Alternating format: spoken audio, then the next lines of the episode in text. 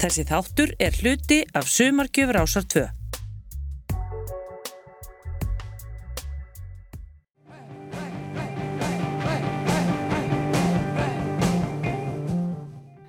Kæra hlustundur, ég heiti Skúli Arason. Í þessum fjórða þætti um The Velvet Underground skoðum við tímambilið í kringum þriðju plötu sveitarinnar sem kom út 1969. Í fyrsta tölublaði aðdánda tímarits The Velvet Underground What Goes On rifjar MC Kostek upp fyrsta skiptið sem hann sá hljómsveitina spila þá 16 ára gamall í mars 1969. Nokkrir fríkaðir einstaklingar dansa næri sviðinu en aðrir af þessum nokkrum hundruðum áhraunda sitja í leiðslu á gólfinu og reyna að takast á við lætin. Í lokin byrjar forsprakkin á gítarstefi sem byggist stöðugt upp og tekst á loft. Fram að þessu voru tónleikarnir mjög ákafir en virðast nú vera sem eldfjall komið að gósi. Söngvarinn rópar eitthvað á borð við að hún sjúi dingdongin og hljómsveitin gefur enn frekar í. Hendur söngvarans verða sem móða þar sem hann spilar ógnarhratt á gítarinn. Hinn gítarleikarin rýfur í sólóin. Organistinn halla sér yfir hljómborðið og hamrar á nóturnar. Trommuleikarin sem hefur staðið allt kvöldið lemur trommurnar ítrekað með stórum sleglum, stöðugt og taktfast. Hún liftir hendinu upp fyrir höfuð millir þess sem hún slær taktin.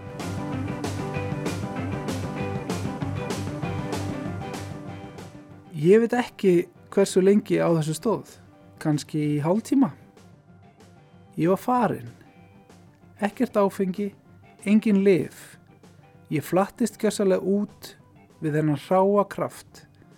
Þetta rokkaði en var svo brenglað. Sko, þetta fólk var að spila háværustu og ruttalegustu tónleitt sem ég hafa nokkuð tíman heyrt. Þau gerði fullt af mistökum en þau höfðu greinilega mun meiri áhuga á að mæta til leiks og tæta þetta í sig. Kraftmikla bylgjan byggðist upp, herra og herra þangar til að ég þóldi vart viðlengur.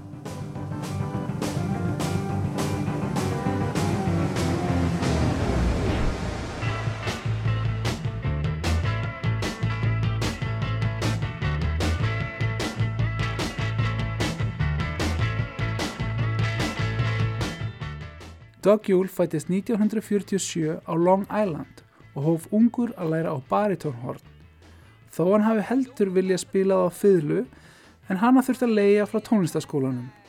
Í miðskóla bættist túpa, banjó, piano og gítar við, ásand því að hann hófa að syngja í kór. Almennt var hann mjög duglegur að atast í sem flestum hljóðfærin og vildi gætna bæta sig á þau.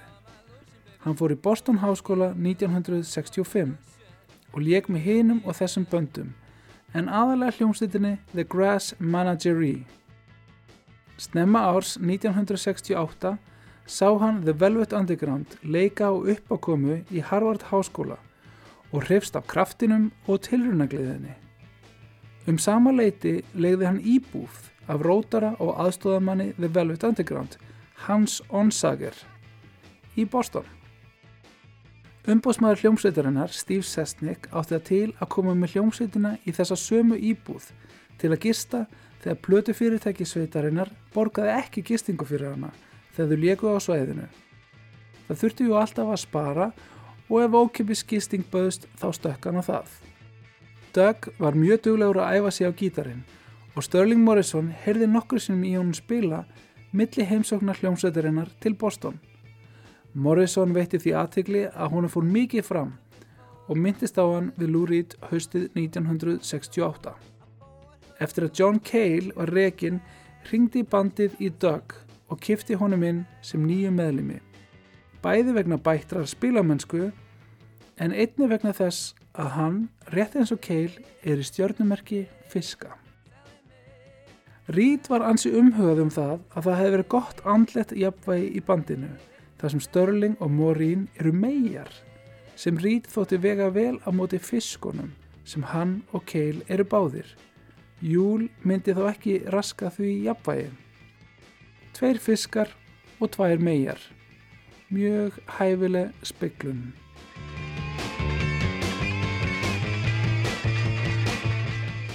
Júl hafði tvo daga til að búa sig undir fyrstu tónleika sína með sveitinni. Reed satt með honum og kendi honum flest lög hljómsveitarinnar og gekk það mjög vel. Hann lærði bassa og orgelpartarna sína hratt og öruglega. Annan til 4. oktober 1968, um viku eftir síðustu tónleika Johns Cales, kom Júl fram með hljómsveitinni í fyrsta skipti á La Cave tónleikastæðinum í Cleveland.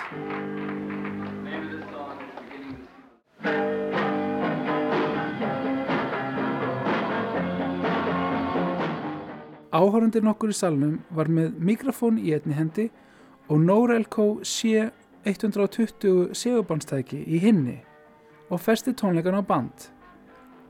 Þetta er tekið upp þar og má vel heyra að hljómsettin var strax í flæðandi fínum gýr. En næsta ár dags júl með The Velvet Underground einkendist almennt af mikilli spilamennsku.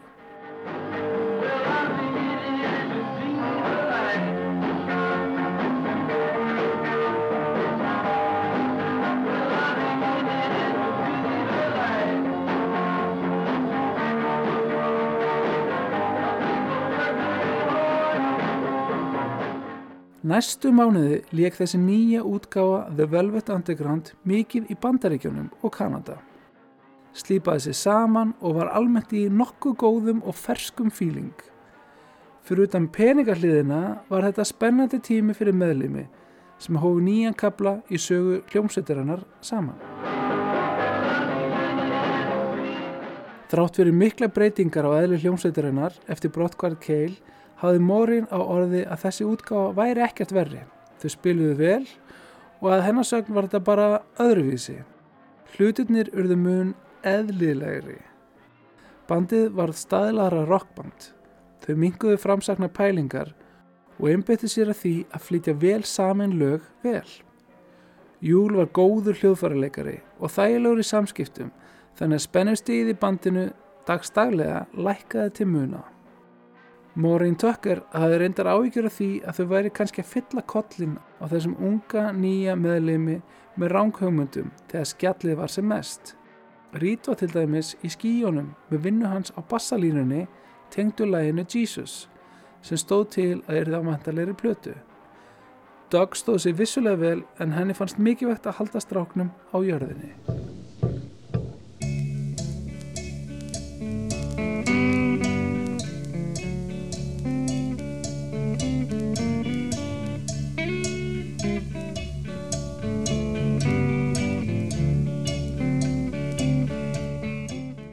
Lou Reed vildi sína fram á að The Velvet Underground væri ekki bara tilröndakent óhljóðasveit og bandið dreif sig í hljóðver í november 1968.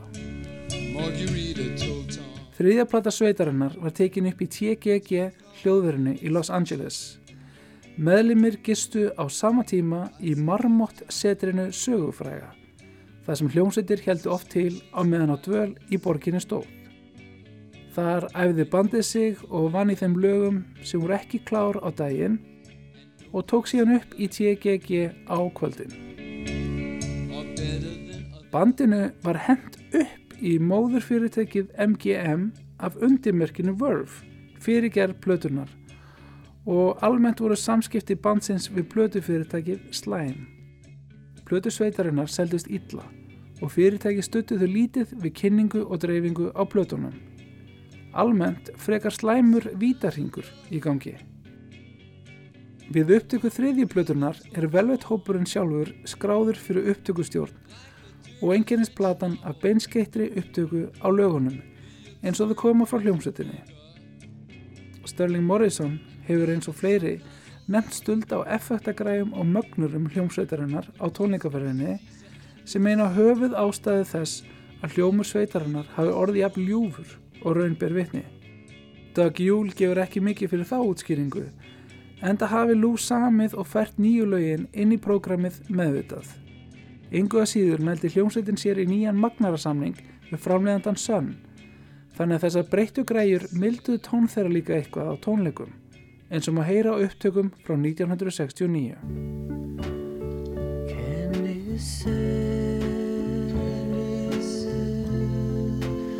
I've come to hate my body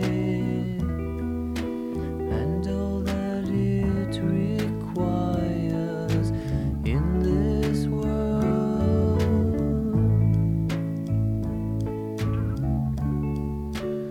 Candy Says er fyrsta lag plötunar og annað Says lag Lou. Þau fjalla alltaf um erfiðleika sögupersonunar og í þessu tilfelli er það óánægja Candy með eigin líkama sem er útgangspunkturinn.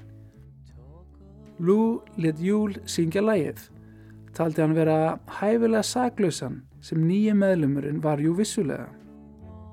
Hann hafði ekki umgengist Factory Hope Warhols og hjælt að lagið fjallaði innfællega um stúlkuna Candy sem leið illa í eigin skinni.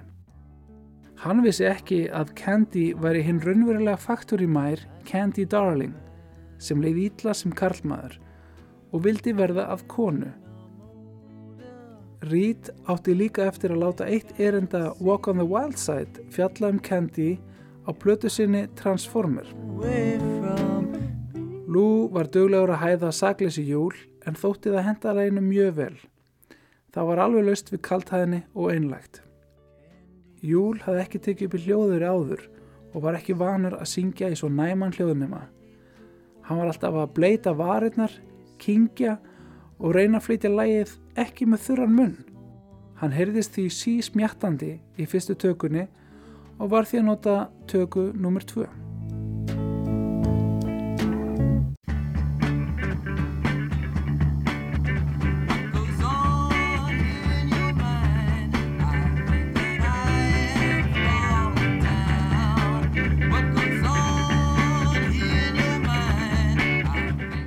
What Goes On er mesti rockslagarinn á plötunni. Lægið er kert áfram af súrgálstrómum Maureen Tucker sem heldur óstöðvandi taktinum áfram. All lægið án þess að brjóta þau upp að neinu leiti. Reed og Morrison hleypa skoppandi hljómagíturum sínum í gang á meðan Doug Yule slæst í hóp með Maureen í áttundu parts bassalínum og orgelinu sem undistrykar hljómagangin sem hljómar eins og hann vilji aldrei hætta.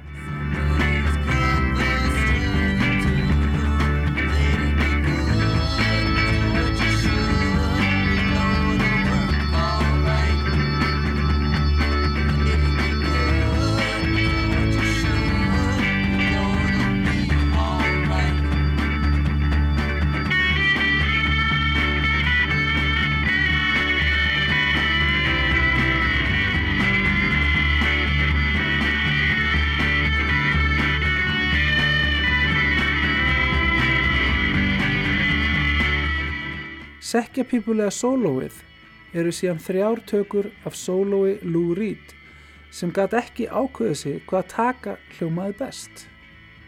Maureen Tucker stakk þó upp á því að spila öll sólóin í einu sem varð raunin.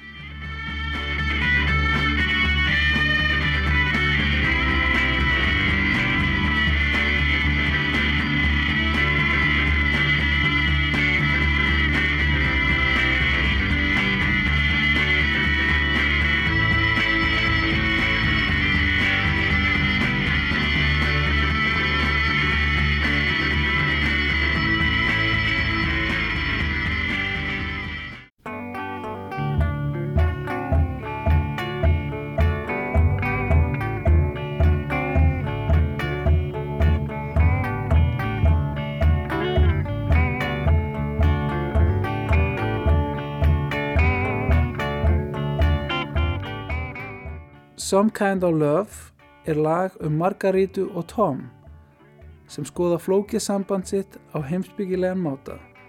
Mjög afslappað og notalegt grúf liggur í gegnum lagið. Some kind of love. A margarita Tom. Reed líst í laginu sem lýsingu á því þegar Tom er bara að reyna að slaka á og drekka á meðan Margaríta er eitthvað að tala við hann og trubla. Val Valentín var tæknimar við upptökur á plötunni og sá um hljóðblöndun. sem var nokkuð blátt áfram rétt eins og grunnefnið. Lou Reed vildi sjálfur leggja áherslu á persónulega nánd og gerði sína eigin hljóðblöndun þar sem röddin var framar á samt öðrum útsetningar áherslum. Hann vildi að stemningin veri líkt og hlustandin veri sjálfur inni í skáp með sveitinni og er svo hljóðblöndun plötunar nefnd skápamixið. Þessi hljóðblöndun kom fyrst út í sappakkanum Peel Slowly and See frá árinu 1995. Í samkannalof heyrist munurinn á þessum tveimur útgáfum vel. Hér heyrum við aðeins úr Val Valentín mixinu sem er þetta venjulega would seem to be groundless. Hér er síðan bútur úr skápamixinu, þessu næma, frá Lou Reed. not charmless for a boy it's a straight liner that finds a wealth and division in some kinds of love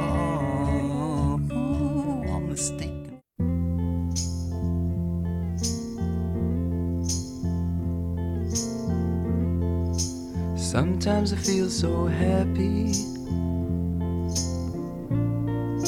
Sometimes I feel so sad. Eitt af vinsalli lögum The Velvet Underground er Pale Blue Eyes sem fjallar um fyrirvændi kærastu Lou Reed, Shelly Albin. Á þessum tíma var hún einmitt gift og Lou fjallar hér um ást í framhjáhaldi. Shelly var í sambandi með Reed í aðdraðanda þriði plötunar.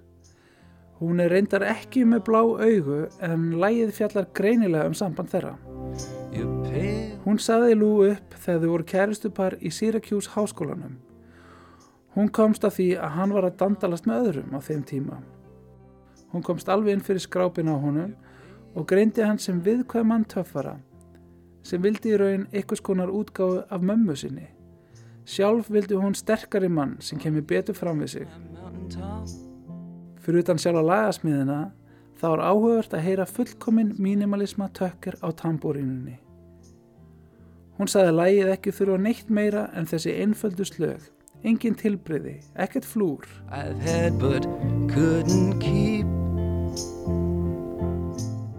Og svo gítarleik Sterling Morrison sem leikur einmitt flúraðar og melodískar gítarlínur á móti hljómagítar Lou Reed sem er einfaldur.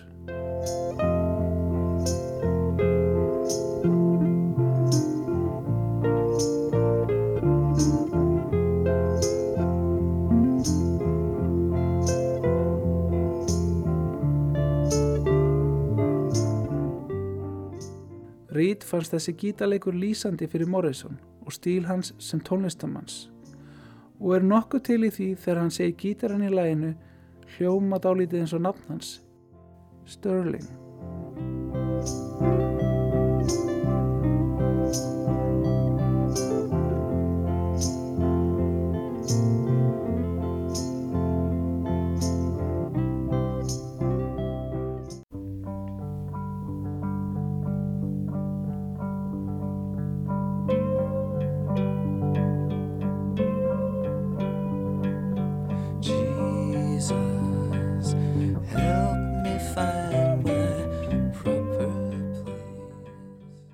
Jesus er Salmur Reed sem er jú gýðingur til Jésús. Einfaldur textin um endurlausn er endurtekin í þrýgang í þessu blíðasta lagi hljómsveitarinnar og spekla það trúarstefið um hinna heilugu þrenningu. My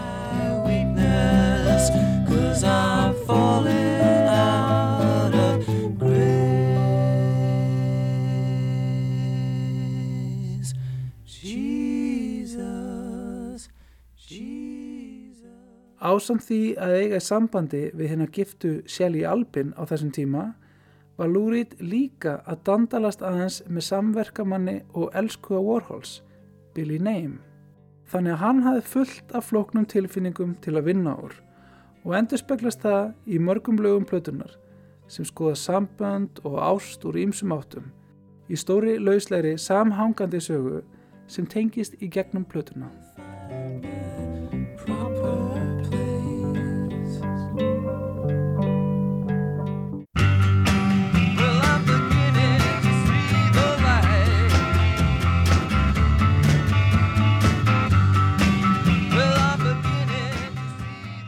The Velvet Underground hafði þegar tekið upp pröfu útgáfu af læginu Beginning to See the Light með John Cale innanbors en svo útgáfa hljómaði í lok síðasta þáttar þar sem Cale spilaði á bjagaðan bassan en það er að síðasta sem hann tók upp með The Velvet Underground.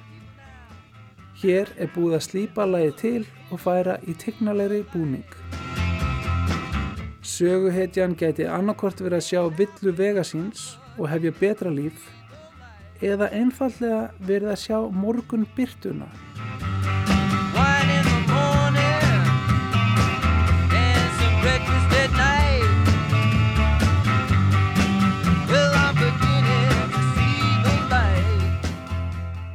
Sú túlkun gengur vel upp í sambandi við þann sem vaknar seint.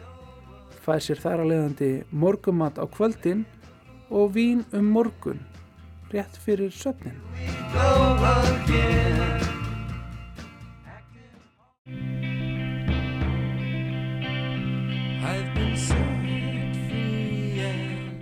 I'm Set Free heldur áfram í þessari umbreytingarstemningu. Hér er á ferð sá sem sér að þetta er allt saman mismunandi tálsýn. Eldri sambönd, þetta samband og það næsta. Með þessa fullvissu hoppar hann inn í næsta samband.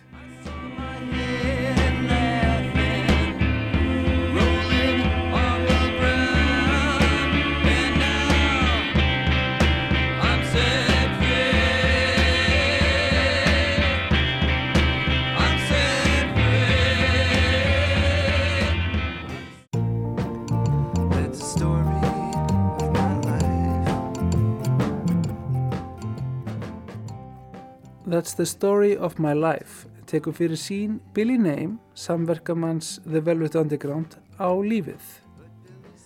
Lou Reed var upptekinn af andans málum og er hér að summera upp eina pælingu Billy Name um heildarblekkingu lífsins. Reed kom Name upp á hinn andlegu mál en þegar Billy læsti sig síðan inni í myrkvuðu herbyggju í eitt ár, djúftsokkin í pælingar í kringum 1970 sá hann eftir því. But Billy said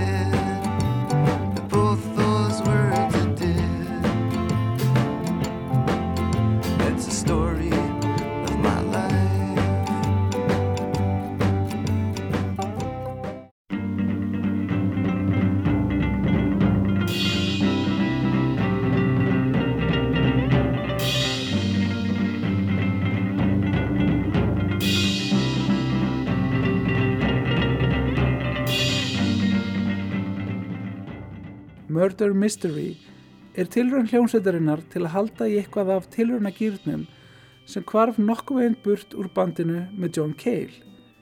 Pælingin var svo að vinna með texta og orð sem áferð. Samkvæmt júl er í raun fátt skrítið við hvert bút í sjálfu sér. Það er hins vegar sérstætt að neyða þá til að hljóma í einu. Ef við heyrum eitt hluta aðskilin er hann ekki óþægilegur í sjálfu sér og er hægt að hlusta á aðra hljóðrás lagsins í einu. Vilji hlustandinn heyra þessi einstöku kabla rétt eins og í sögulæginu The Gift af White Light White Heath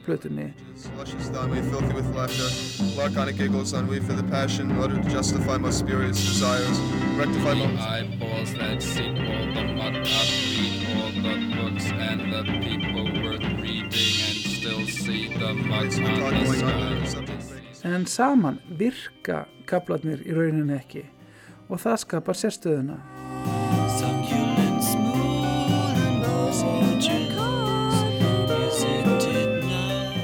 Allir meðlimi bandsins tala og syngja í læginu sem samastendur af tveimur lögum sem er skeitt saman yfir sérstöku undirspilinu sem saman skapar tilfinningu óróleika. Shoot a lifeguard drowning. Sea is full of fishes. Of china. China plants are falling. Screaming in the daisies. Sick and chilly calling. Slide the seas my eyes. Treated like stealing. Falling from the as the green dress. Dream the car rain. See the young girls dancing. Flies upon the beaches. Beaches talking sailors. Teach to heal our hollow. You would learn to sing song.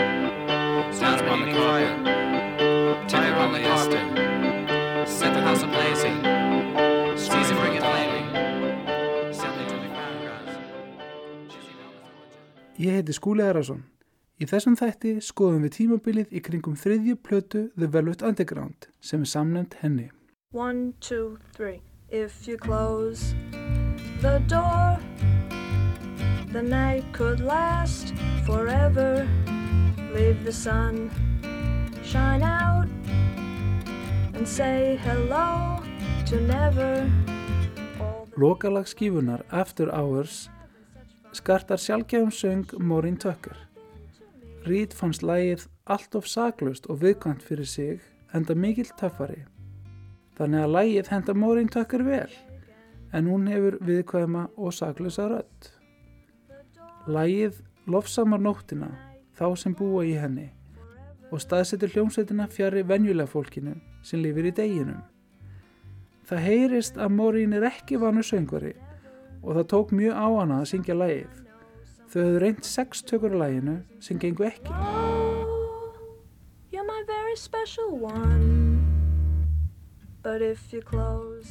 Störling gerði grína henni í hljóðurinu eins og stór bróðir sem gerði hana enn stressaðri og það tók á hana að allir væri að fylgjast með henni. Hún endaði á því að reyka alla út úr hljóðverinu fyrir utan tæknimannin bak við glerið og Lou Reed sem spilaði kassagítar með henni. Þannig hafðist þetta að lokum. And if you close the door, the night could last forever. Leave the sun shine out and say hello to never. All the people are dancing and they're having such fun. I wish it could happen to me. Cause if you close the door, I'd never have to see the day again. I'd never have to see the day again. Once more, I'd never have to see the day again. Billy Name fór með bandið í myndatöku í The Factory sem var í fyrsta skipti sem hinn nýji og saklausi bassarleikari Doug Yule kynntist listafrík lífinu þar. Hún leiði dálítið eins og hann væri á sírutrippi. Allt var svo framandi og heillandi. Tilgangurinn með myndatökunni var hins vegar ekkert flippaður. Það átt að taka mjög hefðbundna hljómsveitamynd fyrir plötuumslag þriðju plötunar. Þau stiltu sér upp í notalegum fötum á frekar eðlulegan máta í kringum sófa í listasmiðinni. Engin af þessum uppstiltu myndum var notuð, heldur valdir neym enn kæruleysislegri mynd sem hann nappaði eftir sjálfa myndatökuna. Það sem Reed horfir í myndavælina og heldur á basar tímariti og meðan hini meðlumendir horfa hingað og þangað. Mjög í anda plötunar sem er samnefnd sveitinni, svona eins og til að tilkynna nýja útgáfu hennar án keil. MGM gaf plötuna út í marsmánuði 1969 og voru meðlimir sem fyrr vongóður um góðan árangur. Reyndar var Sterling Morrison kannski minnst hrifin af ljúfri stefnu þeirra en þó stoltur af verkinu. Nú var bandið með pottjætta plötu af ljúfum og aðgengilegum rocksmiðum hjá stóru plötu fyrirtæki og því ekkert því til fyrirstöðu að sölutölur myndi batna. Það gerðu þær alls ekki og komst platan ekki einu sinni inn á Billboard-listan. Hún seldist sama og ekkert þrátt fyrir þessa fínu og framsaknu útasauðlýsingu sem plötu fyrirtæki gerði. How do you feel? You don't really know how you feel. Why? Because you haven't heard the new Velvet Underground. Here are expressions of a new dimension in honesty, purity, in feeling. The Velvet Underground. Not a probe, not an exploration, not an experiment, but a whole complete reality. The Velvet Underground. The Velvet Underground. This is you. You'll find your love, your hope, your reality. The Velvet Underground on MGM Records will tell you how to feel. Listen. Hljómsveitin á samt umbóðsmanninum Steve Sesnick var ósatt við plötufyrirtækið og þau unna því að losna undan samlingi sínum við MGM. Þau voru skuldbundin til að gera tvær plötur undir merkjum MGM og fóru reglulega í hljóður á árinu 1969 frá mæ fram í oktober þegar tækifæri gafst til að gera lög hratt á aðra plötu svo þau getur fært sig um set. Þessar upptökur voru að sögn júl gerðar með örlítið kæruleysislegum brag, rétt eins og um pröfu upptökur væri ræða, þó allar hljóðvis aðstæður væri góðar. Svona eins og til að máta lög fyrir alvöru upptökur síðar. Þessi lög eru jú ekki sérlega samtengt þemalega og koma svona úr mismunandi kemum velvett tónstíla, sem voru orðnir nokkrir.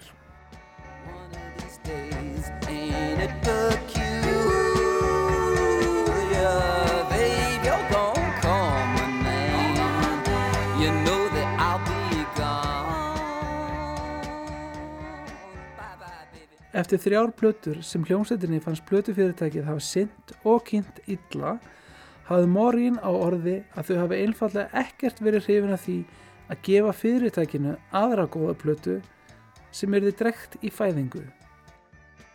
Því hafi kannski ekkert verið sérlega mikill metnaður á bakvið þessu lög. Það kom þó ekki til þess að þyrfti að klára þessa plötu til að uppfylla samlingskiljurum því MGM lit bandi róa áður en á því varð. Of miklar fjárfestingar og lítill árangur hjá fyrirtækinu kallaði á skipulagsbreytingar og nýr yfirmaður MGM hinn sann kristni Mike Curb ákvað að hagraða hjá fyrirtækinu. Hann tók upp skurðnýfin og losaði fyrirtækið við óæskilega listamenn, engum þá sem seldu lítið og höfðu slæma ímynd.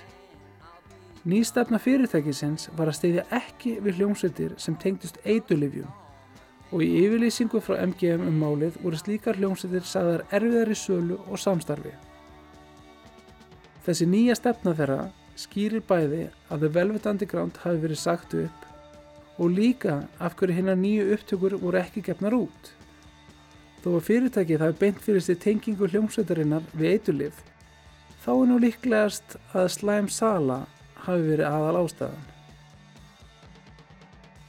Helsta samkeppnis hljómsveitin um kynningapeningana hjá MGM, The Mothers of Invention með Frank Zappa, fekk líka að fjúka í þessum hreinsunum og voru eftirstandandi listamenn hjá fyrirtækinu flottar fyrirmyndir með fallegar tennur, lífsbætandi texta og heilbritt útlitt.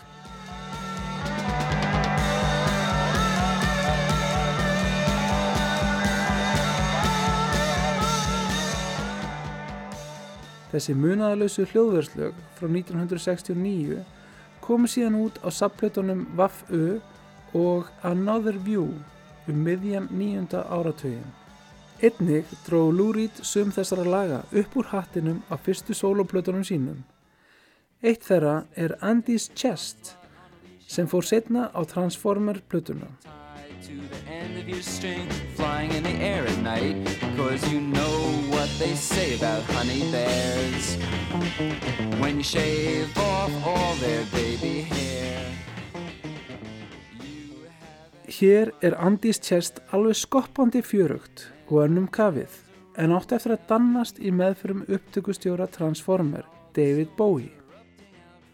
Þó að Andy Warhol og hljómsveitin hafi slitið beinu samstarfi þótti þeim mjög væntum listamannin sem hjálpaði þeim út í heiminn, sérstaklega Lou, og samti hann lagið til að kæta Warhol í kjölfar skotarásar Valerie Solanis sem skaut hann 3. júni 1968.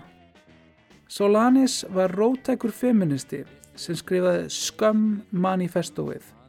Skamstöfunin Scum stendur fyrir The Society for Cutting Up Men sem var almennt á móti kallkyninu. Valerie var tæp á geði og var í hemdarhug vegna þess að Warhol tók ekki vel í að stýðja leikrit sem hann hafði fært honum. Valerie skaut tvisvar á Warhol en hitti ekki. Þriðja skotið fór síðan í gegnum lungu, milta, lifur, vélinda og maga. Warhol var vart huga líf og var í framhaldinu með risastort ör yfir bringuna. Titillagsins vísar bæði í kistu Warhols sem er full af þeim kynlegu kvistum sem er í kringum hann en líka í sjálfa bringu hans.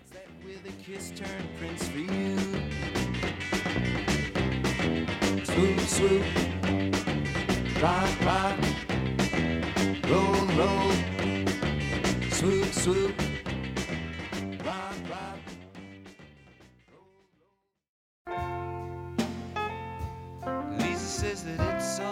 Lisa Says er þriðja lag Lou í Says seríu hans um konur í erfileikum. Lisa er mikil stuðkona, til í partí og fjör með hverju sem er en á erfitt með að horfast í augu við sitt sanna sjálf þegar hún er ekki í rugglinu.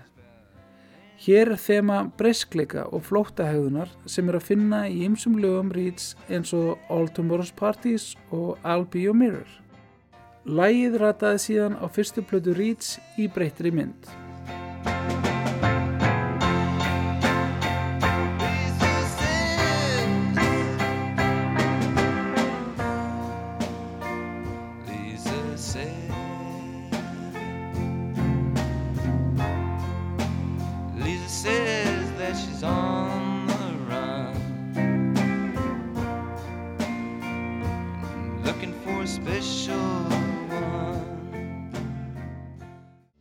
Opus in Ocean fór síðan líka á fyrstu plötu Reeds en hún var að mestuleiti endurvinnsla á óutgefnum Velvet Underground lögum.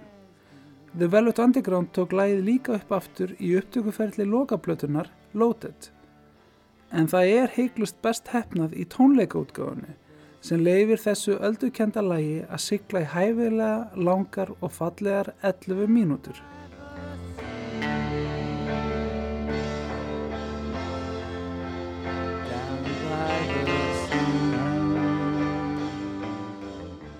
Hér er Lou í andlega gýrnum að skoða líf og dauða með myndlíkingum hafsins.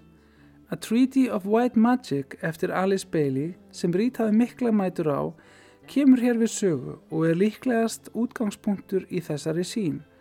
En það kemur hugmyndin um að skordýr séu efnisleg byrtingamind slæmra hugsana úr sín þeirrar bókar. Hér er rít því með hvítaljósið á ljúfum öldum sem skella á ströndinni.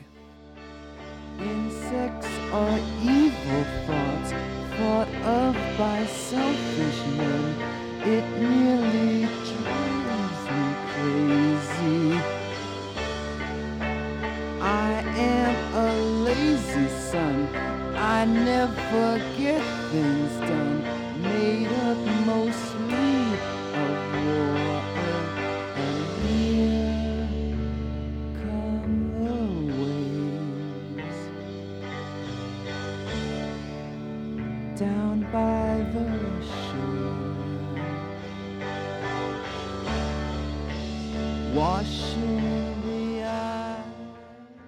Hér er The Velvet Underground í óvenju tegnarlegum og hugvíkandi gýr. Trommuleikur tökker hljómar eins og taktur sjáarins með mjúkum líðandi gjallalegg og rúllandi pákuspili. Doug Júl leikur síðan flæðandi orgellínur á mótum blíðum gítalínum.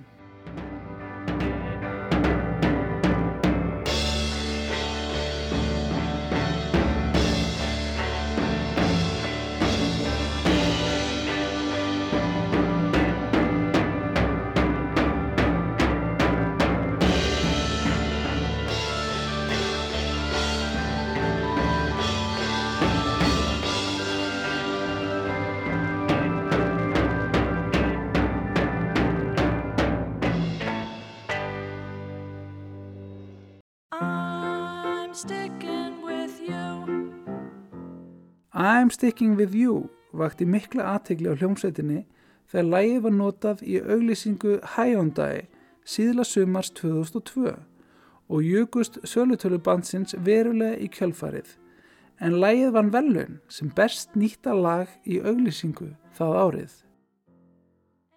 Doug Júl leikur undir viðkvæmum og glettnum söng Morín fram á lokakablanum. Fyrir hluti lagsins er eins og lítill skólasöngur. Tekstinn um þann sem ætlar sko að klístrast við hinn allt fram í rauðandauðan er eins og einhver myrkur krakkasöngur. Cause I'm made out of glue. Anything that you might do I'm gonna do too. Moon people go into the stratosphere. So Soldiers fighting with the Kong. But with you by my side, I can do anything. When we swing, we hang past right and wrong. Í millikablanum detta allir meðlimindir inn syngjandi og tengjast henni líðandi stundu með því að minnast bæði á Vietnamstríðið og tunglferðir. Mjög ólíkt lögunum þeirra sem voru yfirleitt ekki um samtíman beint heldur freka lýsingar af personum og hugsunum. Í lokin keira þau síðan fleiri hljóðfæri inn á sama máta og æg fleiri Velvet Underground lög voru farin að gera. Þessir stóru, fallegu lokakablar.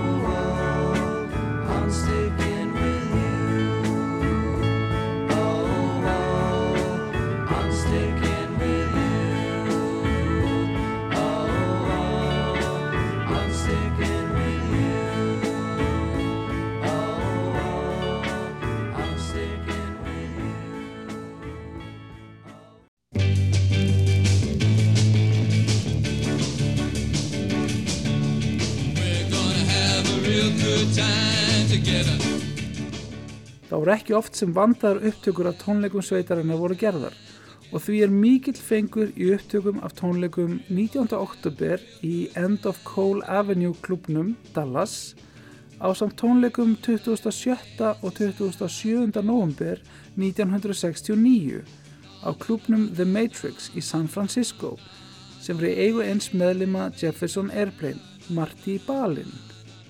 Á þessum tónleikum fekk hljómsveitin að taka upp fjögra rása hljóðrás sem tæknistaðarins bauð upp á og því heyrast fín gæði á hljóðfærunum öllum en ekki einhverjar óskýrar og ólulegar kassettupptökur úr sal með spjall í gangi. Úr þessum upptökum voru lögvalin á tvöföldu tónleikaplötuna 1969 The Velvet Underground Live with Lou Reed sem kom út 1974. Þegar hún kom út á geisladisk var hún gefin út sem tveir geisladiskar, báðir með aukalagi. Steve Sesnick var með upptökunar og let Mercury útgáfufyrirtækið fá þær til útgáfu en hann eigði gróðafón vegna velgengni Transformer plötu Lou Reed.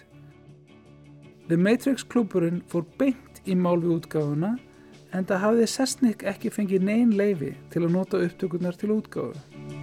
Sweet Bonnie Brown looking like a bed thief coming down over me. She looked real good like a real nice lady coming down all over me.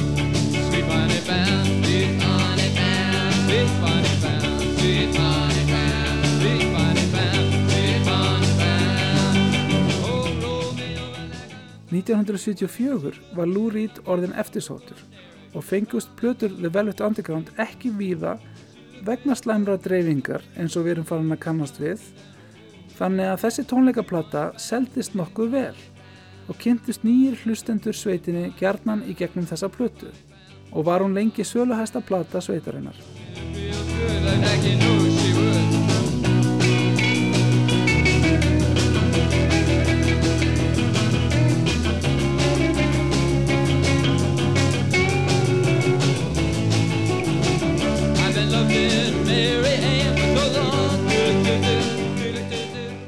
Fyrstu alvöru kynni þáttahöfundar er til dæmis í gegnum setni geisladiskin. 11 mínutna The Ocean voru mín fyrstu kynni af þeim. Góð kynni.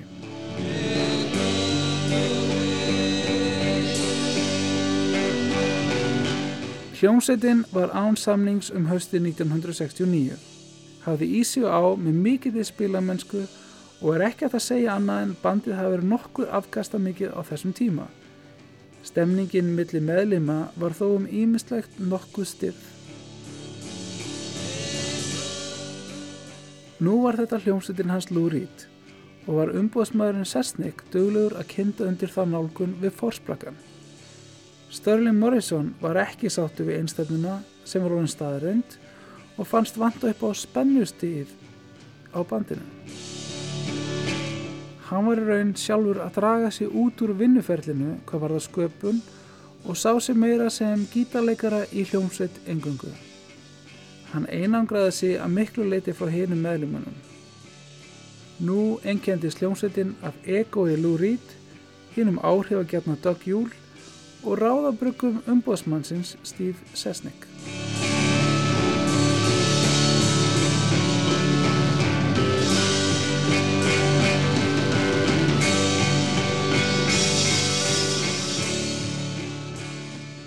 Ahmed Ertegun, forstjóri Atlantic risaplötu útgáfunar, var á höttunum eftir því að gera samning við The Rolling Stones og vildi til þess gera merkið meira töff til að gangi augun á þeim. Hann vildi fá Andy Warhol til að gera umslæðið á næstu plötu þeirra, Sticky Fingers. Það var minnst að kosti eina ástæðum þess að bransamenni Danny Fields stakk upp á því að bæta The Velvet Underground í Atlantic fjölskylduna. Danny Fields var einn af þeim sem var í stórum ring í kringum Warhol og þekkti því Velvet Underground sem hafði jú enn þessa töff New York Warhol áru yfir sér, þrátt fyrir lágar sölutölur.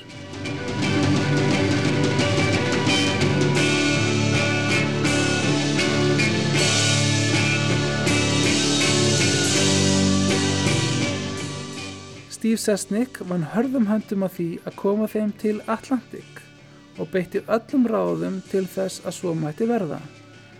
Hann kvatti Reed til að vera með meiri stjörnutakta á sviði og beita sér í söluvætni áttir í lagasmiðum sínum. Ahmed var líka hrifin af tónlistinni en ekki eitilifja tengingunni og gerði samning við hljómsveitina í mars 1970 með þeim skilirðum að þau myndi ekki gera neyn eitilifja lög. Atlantic tókst ekki að krækja The Rolling Stones en Warhol gerði þó umslæði fræga við Sticky Fingers sem var að vinna með svipað framúrstefnulega og reðurslega pælingu og á bananaplötunni.